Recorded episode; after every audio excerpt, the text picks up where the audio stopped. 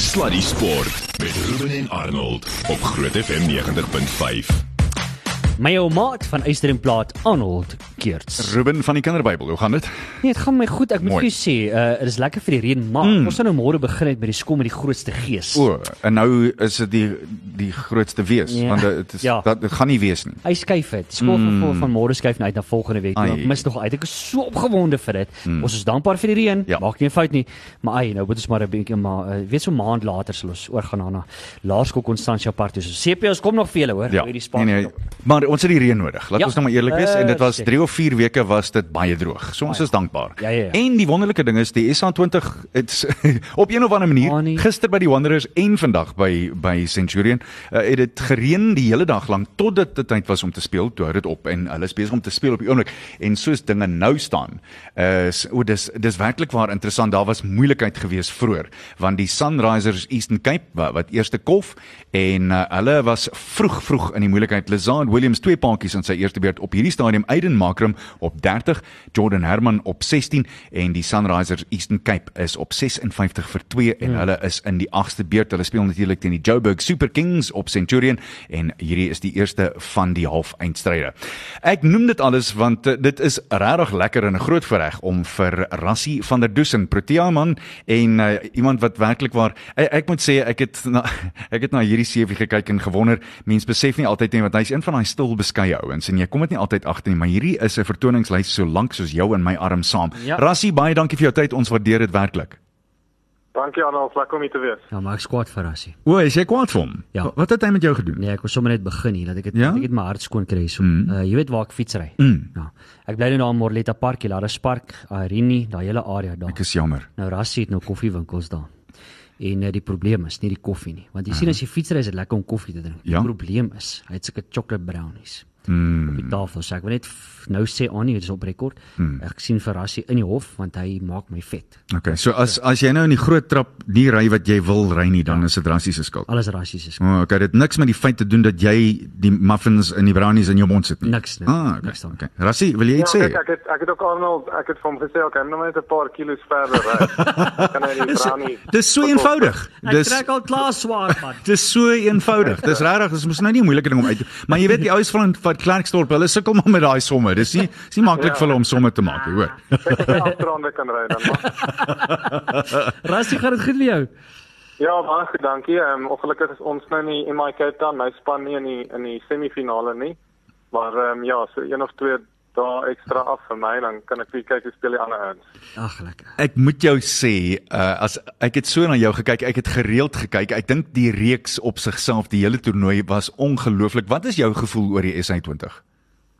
Ja, nee, dit dit, dit is soos jy sê, dit was regtig ongelooflik. Ons het um, ons wedstryde begin daar onder in Kaapstad en um, ek dink al vyf ons tuiswedstryde was uitverkoop. Die skare was um, was regtig net iets anders geweest. Die wat hulle sê in Engels ehm um, ja, iets ongeloofliks geweest en dit is nie net in Kaapstad geweest nie, dit is oral waar ons gaan speel het. Ehm um, Johannesburg, Pretoria, nou ek sien dit is bietjie gereën vanmiddag so die mense het seker maar bietjie weggebly maar daar's nog steeds 'n uh, 'n baie goeie skare in en en ja dit is net iets nuuts iets lekkers iets opwindends en um, ja as 'n speler is dit altyd natuurlik lekker om voor lekker skare te speel.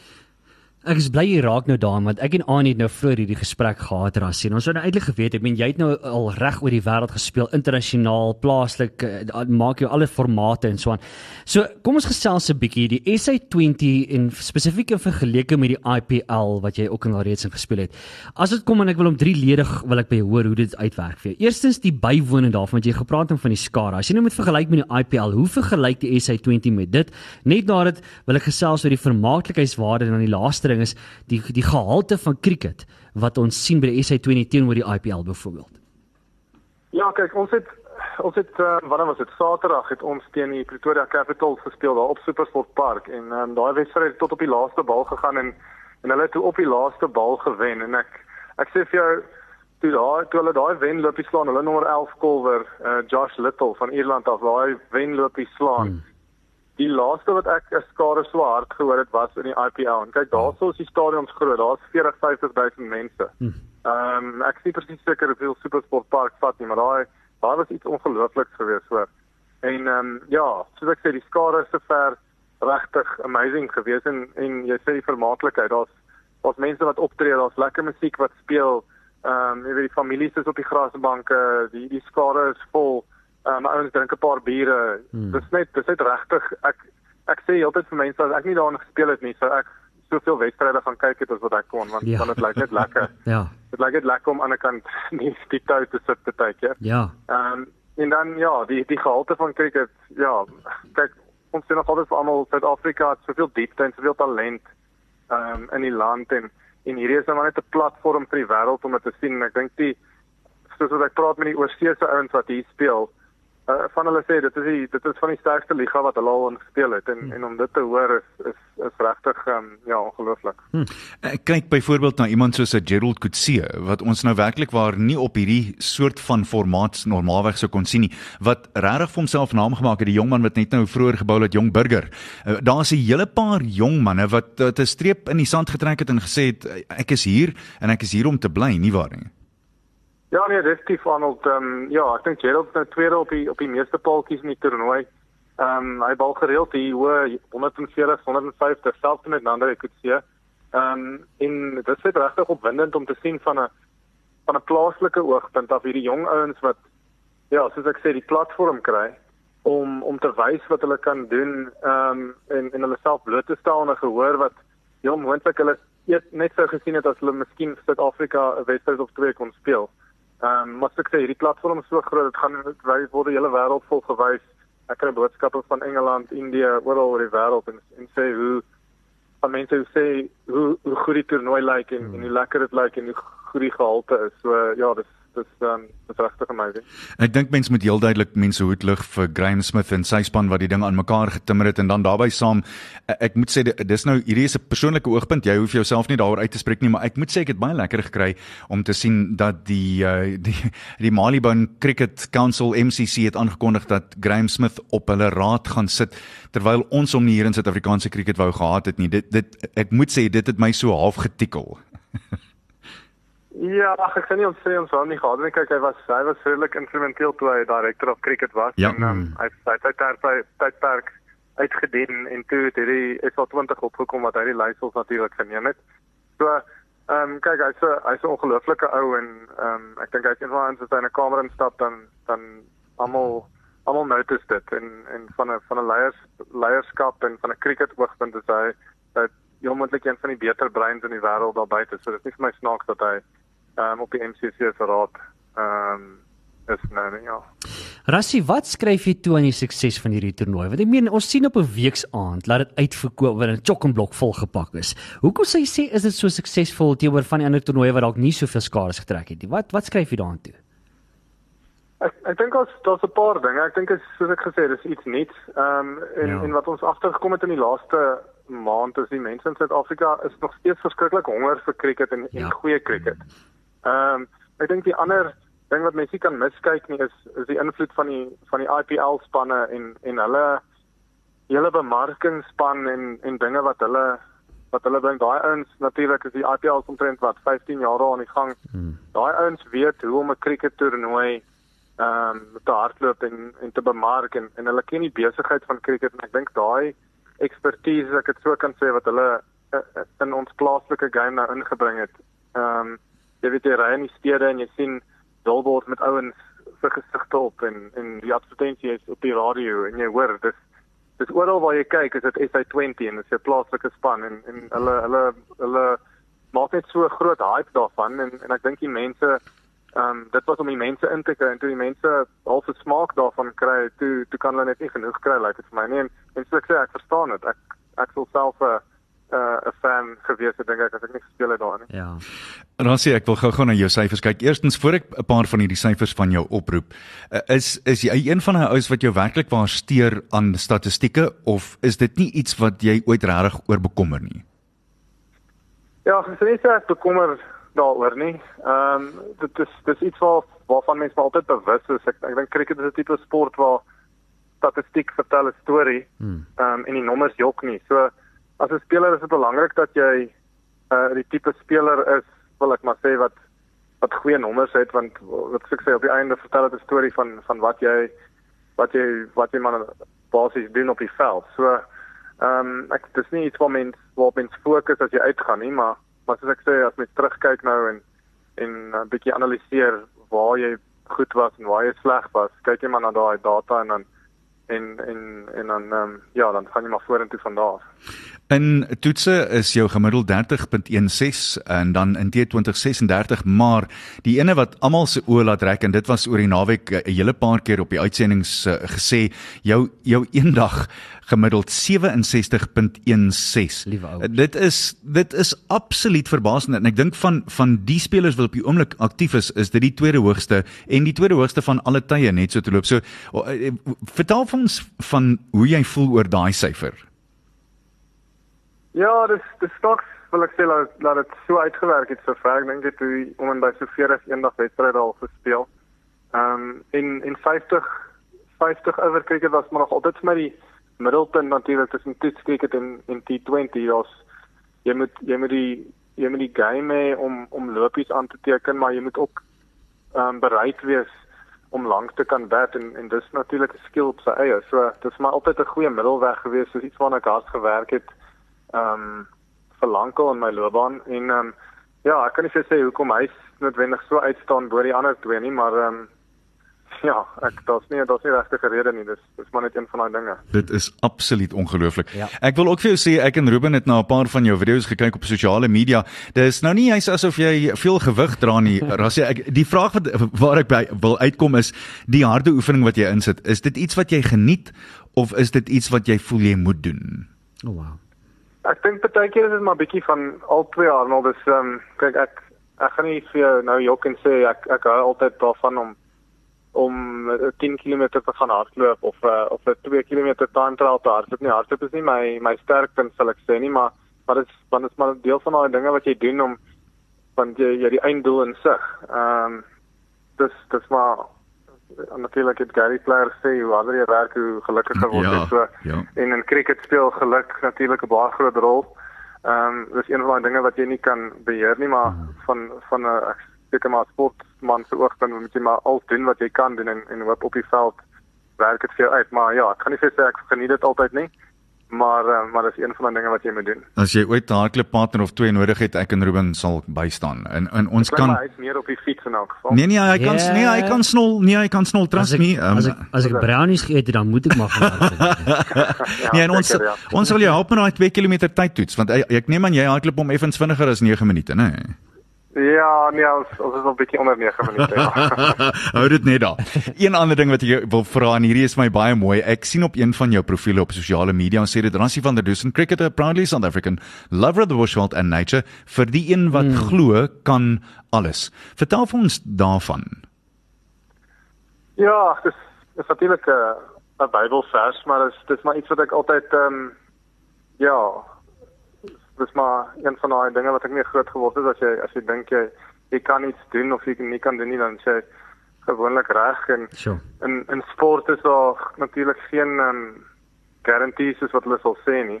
Ehm um, en jy gaan maar daarin met 'n ek seker maar 'n hoop meer as enigiets anders. Daar's natuurlik so baie ouens wat dit probeer en en probeer 'n loopbaan daar maak uit uit professionele sport, nie net cricket nie.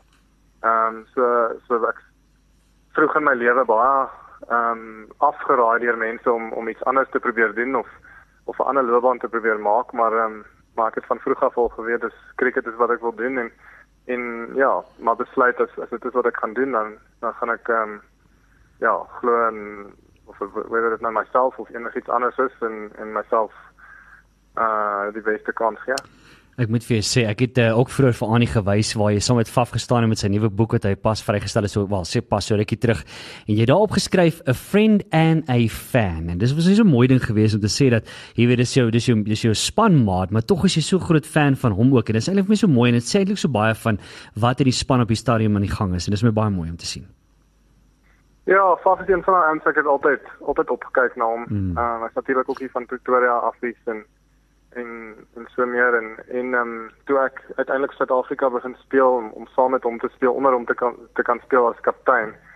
Ehm um, ja, hy is een van daai regte goeie mense ja. in die wêreld. Hy's hy's uit uitsonderse uh, leier hmm. ehm um, en mens en ja, ehm um, ek ek sal hom ag as 'n as 'n goeie vriend alhoewel ons mekaar nie baie sien nie.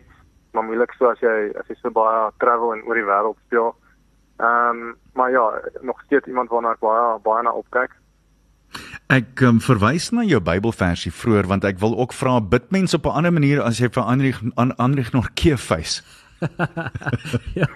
Nee, ja, nee, dit dis dis dis 'n ander storie daai jy jy hoop maar jou oë werk op die aand en uh, want jy het nie baie tyd om daai bal te sien nie en jy en jy hoop maar hy moet nie vir jou kop nie. Dis maar net die hele ding. Uh, Rassie na ongelooflike seisoen in die SA20 wat jy gehad het en daarbey saam uh, die toets teen die Wes-Indiërs kom aan die einde van hierdie maand. Uh, hoe sien jy daai in uitwerk? Ja, hulle is een van daai spanne, hulle het hulle verskriklike goeie bal aanval. As jy kyk na hulle seamers veral en en in hierdie kondisie ons speel hulle in Centurion en en uh, by die Wanderers. Ehm um, dit dit gaan definitief 'n uh, 'n uh, 'n moeilike 'n moeilike taak wees. Ehm um, ons het teen hulle gespeel so wat dit nou so 2 2 en 'n half jaar terug in in Wes-Indië. Ons het hulle 2-0 gewen daarso. Maar hulle is definitief nie 'n span wat hulle is nie die die Wes-Indies van die van die 80s en 90s nie, maar hulle is definitief ook nie 'n walkover soos hulle sê. Mm. Ehm die is dan nie so ons gaan ons van regtig op ons op ons stukke moet wees. Ehm uh, maar ek dink ek dink wel ons span is in 'n in 'n stadium nou waar as ons speel wat ons weet ons kan kyk Australië was natuurlik 'n tawwe toer geweest, maar Ja. as ons speel wat ons weet ons kan veral met ons bal aanval dan dan behoort ons bo uit te kom. Uitstekend. Ons um, bedank jou vir jou tyd. Ek weet jy het Ja. ander dinge aan die gang vanaand. Ek kon vir nog 'n uur met jou gesels. so Dit was 'n absolute plesier en 'n voorreg. En ons wens jou en Dien en die res van die span sterkte toe met die toetsreeks teen die Wes-Indië. Moenie terughou nie. Dankie Arnold, dankie. Thanks Ruben. Thanks man, dankie vir tyd. Cheers. Mooi bly. Dis dan Rassie van der Dusen. Wat 'n groot plesier om met hom te gesels en werklik waar jy kan selfs hoor die manier wat die man praat. 'n Beskeie ou en hy het glad nie rede om beskeie te Ja, wees nie want daai syfers. O my wee, daai syfers.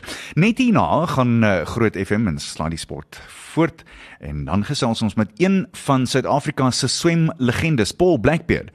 As jy nie die naam kan onthou nie, hy het op sy tyd 'n hele paar midmaar myle gewen, maar een van die grootstes van alle tye, want hy het 9 goue medaljes by een Suid-Afrikaanse nasionale swemkampioenskap gewen. Dis net hierna. Net hierna. Hier is Sluddy Sport met trots geborg deur webuycars.co.za. Dis wat jy doen. Uh so lekker om uh, op die lyn een van ons swemlegendes te hê, Paul Blackbeard, uh who is certainly one of the finest swimmers that South Africa has ever produced and uh, we'll chat about the upcoming Midmar Mile which has already started. The 8 milers and the 16 milers started today and tomorrow and then of course it's the big swim the 50th on Saturday and also on Sunday. Paul Blackbeard, nice to have you back in the country. What's South Africa been like over the last few days for you? Well, thank you very much for having me on. Um, South Africa's been fantastic because I've uh, I've done a bit of a whistle stop tour. I've uh, been in Johannesburg for a few days, Cape Town for a few days, and Port Elizabeth. And one of the really nice things I've done on this trip is connect with a lot of old swimming friends and swim in old swimming pools that are historic for me. You know, that where I where I competed or where I had trained or where I had fun. And uh, so it's been a really, really lovely trip. I assume you're also really looking forward to reconnecting with. I see there's almost tw- more than 25 former winners that are going to be there um, on Saturday and Sunday. That's obviously also a highlight for any swimmer who's been up there in the top three, five at Midbar. Exactly. I think that's what got me into this kind of nostalgic thing of actually picking up all the swimmers and the, and the pools because I started thinking about the names of the people, like Trevor Straden, one of the guys who won the first mid mile. Yes. I mean, I've, I've known Trevor for over 50 years and I know him well, and he lives in Perth as well. Um, and it's just so lovely. We're getting all these old swimmers to come back and, uh, and, and reconnect. And I think Wayne's done a fantastic job of, of tracking us all down and, and getting us here and, and building it up for the 50th. It's, uh, it's, it's really going to be brilliant. Well, you know what Wayne's like. When Wayne tells you to be there, you pack up and you go because Wayne's just one of those very, very influential guys, isn't he? Exactly, and he organizes and he Yeah. makes it happen. Yeah, Doesn't he just? Paul, I'd like to take you back, um, and we spoke about this the last time when I had the, the honor of interviewing you down at Midmar. Uh, but you were really one of the most exceptional swimmers in your time as a young man. You still are, for that matter. But unfortunately, the one thing that never happened to you was you were not ever able to swim in the Olympics. Do you look back at that now with some regret? You know, yes and no. Um, I, I, I, uh, I, I miss the fact that I've never competed internationally and had the chance to be pulled forward because you, you know, when you compete against top people, you you actually you get stronger. Um, so so that was a was a, a something I missed the competition side of it. The um, but but for me, life life had all sorts of other surprises and good things. So um, it, it just uh, it was a moment in time. I'd also like to take you back to 1975 SA National Champs. Nine golds, 100 meter, 200 meter freestyle, 100 and 200 butterfly, 200 and 400 IM, the three relay golds and the 4 by 100 and 4 200 in the freestyle, and then the 4 by 100 meter medley relay. You probably, if they'd stopped you at an airport, you would have been smuggling gold with the amount of medals that you took home. That is an incredible achievement. I don't think anyone else has ever done that just about anywhere on the globe. Yeah, yeah. Well, they called me the Mark Spitz of South Africa at the time, which was which was a real honour. yeah, no, it was it was uh, it, was it was a nice achievement, I must say. And now they've added extra events. There's there's 50 freestyle and 50 butterfly, which uh, who knows? I might have been able to win those in the 50 relay, over 50 relay. I also three, three more. yeah, can you imagine that? Twelve of them altogether, around yeah, dozen. Yeah. Uh, Paul, yeah. uh, I also noticed that um, you had membership of the Springbok Club in two other sports as well. It wasn't just swimming; there was surf lifesaving, uh, and that is that, that's remarkable to have had that too. Well, it kind of links back to your question about uh, missing the Olympics and not being in the international sport. Um, lifesaving was still an international sport. Um, and uh, so my swimming coach at the time said, look, we're doing all this great swimming. We need the international competition. And he encouraged me to get involved with surf life saving. Um, so we, we, we, we went on uh, three, uh, three trips there and, uh, and also in the Stillwater life saving. I ended up breaking the world record in that. In that. Um, and uh, it was, you know, mm-hmm. because of the swimming, uh, managed to get into the life saving and have those kind of competitions as well, which was nice. Which was really nice. I'd like to take you back. The first man who you say gave you the stroke that you still have today, and, and it is a beautiful stroke, I must say. With the last time when you, you swam at Midmar, it is still very impressive. A Mr. Watson from Zambia, and then your Aussie coach Terry Gulliver. Just take us back to how instrumental those two men were in you still swimming today at the age of 63 and still being a world leader in your age group. Well, actually, 65 in a week's time. Oh my word! Oh, wow. Don't tell anyone. uh, okay. Well, in fact, in fact, I heard the other day I should be giving my age as the year I was born, so it's now 58. yeah, that's not. I think I'll do that too from now on. I'm not going to go there. That's 84 for me. I'm out. Ruben. Lovely. Yeah. No. Anyway, so no, there's uh, there's you know, those founding coaches. They're not just fantastic for giving you the, the strokes and coaching you they, they, they're like mentors in your life. Mm. Uh, and, and going back to this nostalgic trip I've done in a way, I, I went back to the original swimming pool, the, the Durban swimming pool that I swam in for many, many years. Wow. And I took pictures in the change room because I, I was in that change room twice a day, you know, five days a week, six days a week. And, uh, and, it's, and it's a memory. It's a very strong memory. And then your coach is the same thing. He installs things in, you, he installs values and ways of working um, some ways to think about things. Um, they're really important. A good coach is, is, is invaluable. If, and uh, going back to my original coach, he taught me one drill, which was called stroke the black cat, which is actually, as you're swimming, you pull down the black line. And it stops you swimming across your shoulder. Uh, it, it, I've never had shoulder problems, for instance, in my swimming, which a lot of people suffer from. And I think it's drills like that. And I was swimming the other day, and I saw a swimming coach who, after his squad was doing a bit of training, and I said to him, "Oh, you, going across the shoulder. I'll give you one of my drills that uh, my original coach gave me. I told him, stroke the black cat. stroke the black cat. Wow. Love that. That is awesome. My my sure. missus is going to enjoy that. She's swimming Midmar too. I'll tell her that, but there's no black line at Midmar. Hey? Um, Unfortunately not. Paul, you can see your hands sometimes. yeah, that's true. And it does get murky sometimes. And, and it's looking like it's going to be cloudy for, for most of the weekend. We'll chat about that in a second, though. I am interested to hear from you. What has kept you going for as long as, as what it has? Because you honestly, I, I, look at the achievements. you are an, you're a swimming icon, and for you to have carried on as long as what you have, what's kept you going?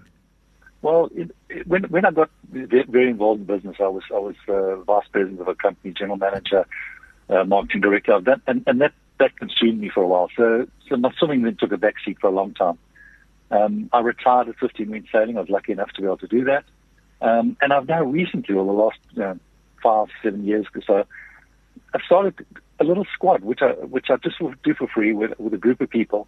I, I publish the sets. Uh, I put them up online so other people can follow them if they want to see uh, Master Swim with Paul Blackbeard, just as inspiration for other people to look at. These are the sets that I do, and and by setting these sets and helping other people, uh, it's got me much more involved again back in, in my swimming, and I'm really loving it to the extent that in the Master Swimming now in Australia.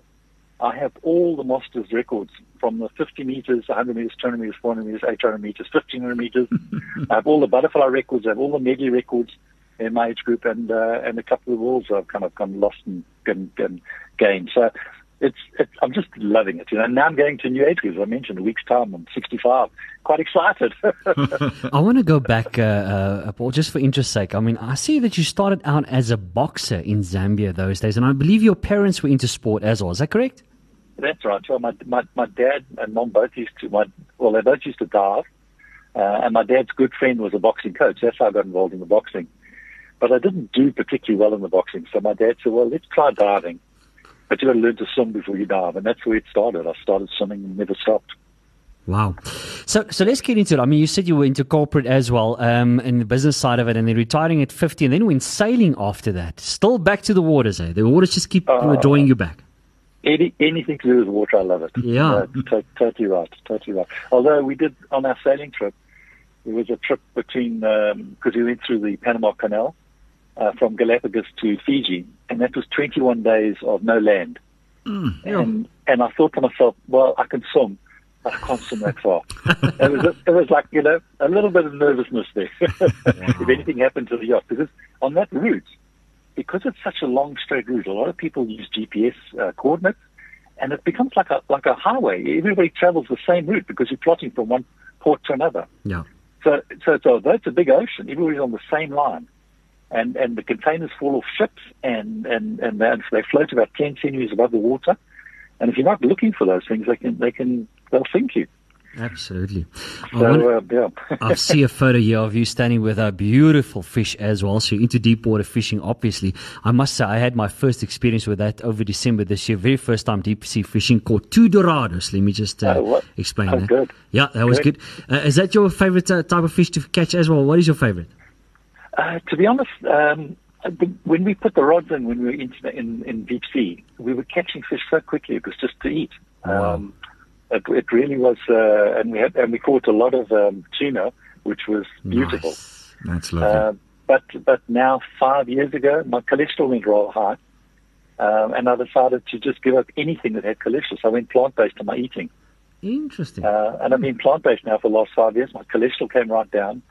My energy levels were good. I slept well. And I thought, well, doesn't seem like there's anything wrong with it. So I've, uh, I've continued. Interesting. That is sure. very, very interesting. So Ruben and I are both on a quest of some sort. So health is always. Uh, yep. And when you say uh, uh just uh, you go with without uh, any animal product, give us uh, sort of a day of, of, the diet in Paul Blackbeard's life. Hmm.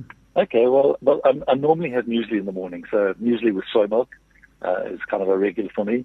I have put eggs back into my diet because I felt I needed the protein, good, mm. good quality protein. Mm. Um, so, so I often have scrambled eggs or, or omelette or something like that. So that would be a morning. Lunch is often um, Avon toast or Avon on Avon, um, you know, some sort of bread format um, with different toppings. And there's so many different toppings you can put on there that makes it lovely. And I love love my avocado. Uh, and then the evenings would be uh, a salad with um, uh, uh, all sorts of things. I mean, it's uh, um, there's some really good uh, plant-based alternatives. Mm. Um, so, so any from anything from a from a burger to um, um, uh, uh, cottage pie, or you know, lots of different things. And my wife, my wife's been uh, a pescatarian for years, and she's also now gone vegan. Um, and she cooks really well, so I'm never short of, uh, mm-hmm. of stimulation and things mm-hmm. that she does for us. And if you think back 20 or 30 years ago, that would have been unthinkable, particularly for someone who has a South African background. I mean, you know, we all thought of protein. You have to have a steak and you have to have fish and all the rest of it to recovery. Uh, and it's I not true. I, I, I, I, remember swimming one of one of the nationals, and uh, if we made the finals, they would take they would take the people in the finals who were going to swim that evening out for a big steak. Yeah. and that and that's what we would have, you know, a huge wow. big steak for lunch, and Yep. then some that evening. Well, Wally Haywood used to have he used to swear by a big steak and egg and chips the night before comrades, and he managed to win five comrades like that. So you know you do uh, talk about that kind of thing. Who who are the sporting heroes uh, that inspired you as a youngster, Paul? Well, you know, one of them was Jonty Skinner. Ah. Uh, you know, the guy.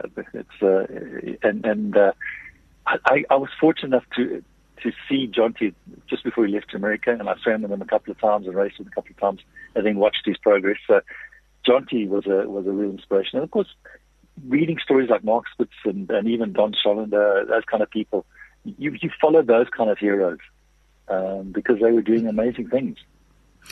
And Paul, if um, if we can turn our attention lastly as we wrap up our interview, and again, thank you so much for your time. I really do appreciate it, and it is an honor to speak with you, and I really mean that. Um, you were one of my heroes as a kid, and that's why I asked you that question. But uh, the, the one thing that uh, has drawn you back to Midmar, because you're a, a, a winner at Midmar, that's the one thing. But what else is it about the Midmar Mile? It, it is the people, largely. It's a lot of fantastic people. In fact, I'll just give you another story about heroes. At the last time I was here when you interviewed me, um, Chad Lecoe came up to me and he said, "Can I take a picture with you?" Oh wow. And and and, and he said, and he said, "You're one of my heroes." I said, "Chad, you're my hero." so there was this mutual kind of love. What a going on. beautiful. That is amazing. Yeah, A- and Sure. there's some lovely people there, you know. Yeah. And, uh, and it's and it's and the competition's there, but it's not about the competition. The, the mid mile is definitely not about the competition. It is about the achievement and, and, and the people raising money for charity, and there's just a lovely vibe at that event. Don't you just find, and I know that it's it's in your wheelhouse because you can swim that far, but don't you find it amazing that there are people who do 16 miles over the, the weekend? That is a remarkable achievement, isn't it? Yeah, yeah, no, def- definitely. But as you say, in my wheelhouse, in fact, the weekend I get back, I'm doing a 20 kilometer swim to to an island off Perth. Oh my word! And I've done that solo five times. This year I'm doing it as a duo, so I'm splitting it with another person. We do 10 k's each. I was reading up about that. I think this is about your 13th or 14th one, isn't it? Exactly, yeah, Yeah, exactly. well, yeah. well done. I, I also need to ask you what um, what made you leave South Africa all those years ago?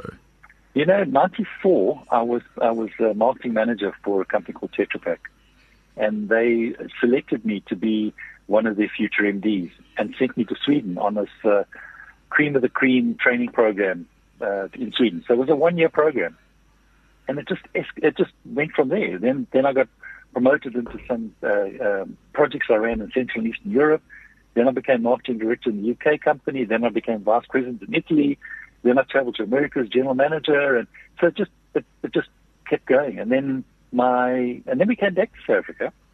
Um, but my mom and my two sisters had moved 30 years ago to Australia, so my family was all living in Australia now. So when we went sailing, I knew ultimately our destination would be Perth, Australia, and that's where we ended up with the family. Ah, brilliant. So I have an old running mate who's in that part of the world, a South African by the name of Bob Delamotte. You haven't run into him in your time over there, have you? I haven't, I haven't yet, but there are a lot of South Africans in Perth. Uh, for sure. No, they would definitely be. Uh, l- let's just talk about your aims over the weekend at uh, the 50th Aquile Midmar Mile. What are you looking for? Um, well, it, it, the race I'm in is the sort of the under 13s and the other 31s. So if I can end up in the top five in that group or something like that, that would be fantastic, you know. And uh, we see how it goes. We see how it goes. I, you know, to be honest, I don't know the competition, so uh, it's a, it's a start. It's a, it's quite a hectic start because there's a lot of people. There's 300 people staying a wave. Uh, you have to get out a little bit in front, just uh, otherwise you're swimming and bashing arms. And then you start settling down. And you start seeing who everybody is, and uh, start finding your pace and, uh, and and seeing how you can go, and then getting ready for the finish. And it's often a sprint to the end. I am always amazed at how swimmers come off the, the dam and say, man, they battle to find a line. How do you, which line do you take, uh, Paul, when you start off? Oh no, I'm actually going up on Saturday to have a swim just to make sure I can get the right line, and it's and you need to pick something up on the land. Mm. So you look you look for something like that. And there's those tents and that sort of stuff. I'm not sure how they'll be set up, and that's all. I'll go and have a look on Saturday. And you choose a particular tent, and then you've got your line. And I don't I don't think I want to be on the left hand side. I'm probably more to the middle or the right. Yeah, that way you also don't have that that uh, very cross stream that can push you off uh, the line as well. Yeah, that current really yeah. does does come into play at times. Uh, Paul, lastly, before we let you go and and uh, go and have dinner with your your family and friends, uh, what was the best sporting advice you ever got in your career? Well, the one I give to a lot of people nowadays is it's about consistency. You know, it's, it's if you're not consistent, you, you can't, you, you'll never get there. And and it's and that's the big mindset people got to get into their heads. You know, you got you've got to make the commitment and be consistent. Brilliant. Paul Blackbeard, as I was saying earlier, thank you so much for your time. A real honor to speak with you. I look forward to shaking you by the hand again over the weekend when we're down at the Aquile Midmar Mile. Thank you for your time and uh, bless you. We really appreciate your time. Th- Thank, thank you very much for having me, and uh, good luck to everybody there on, online. And uh, yeah, we'll see you down in uh, Midmore. I can't wait. Keep well. Cheers, bye. Pleasure and bye. Bye bye. Wat 'n legende. Dit Yes. is dan Paul Blackbeard en, en weer eens jy, jy weet dis nou seker nie 'n naam wat baie mense sou ken um wat nie van my era af is nie, maar mm. iemand wat uh, jy as jy kyk na ek het hier 'n ding wat sê ja, hierdie kom van sy CV af.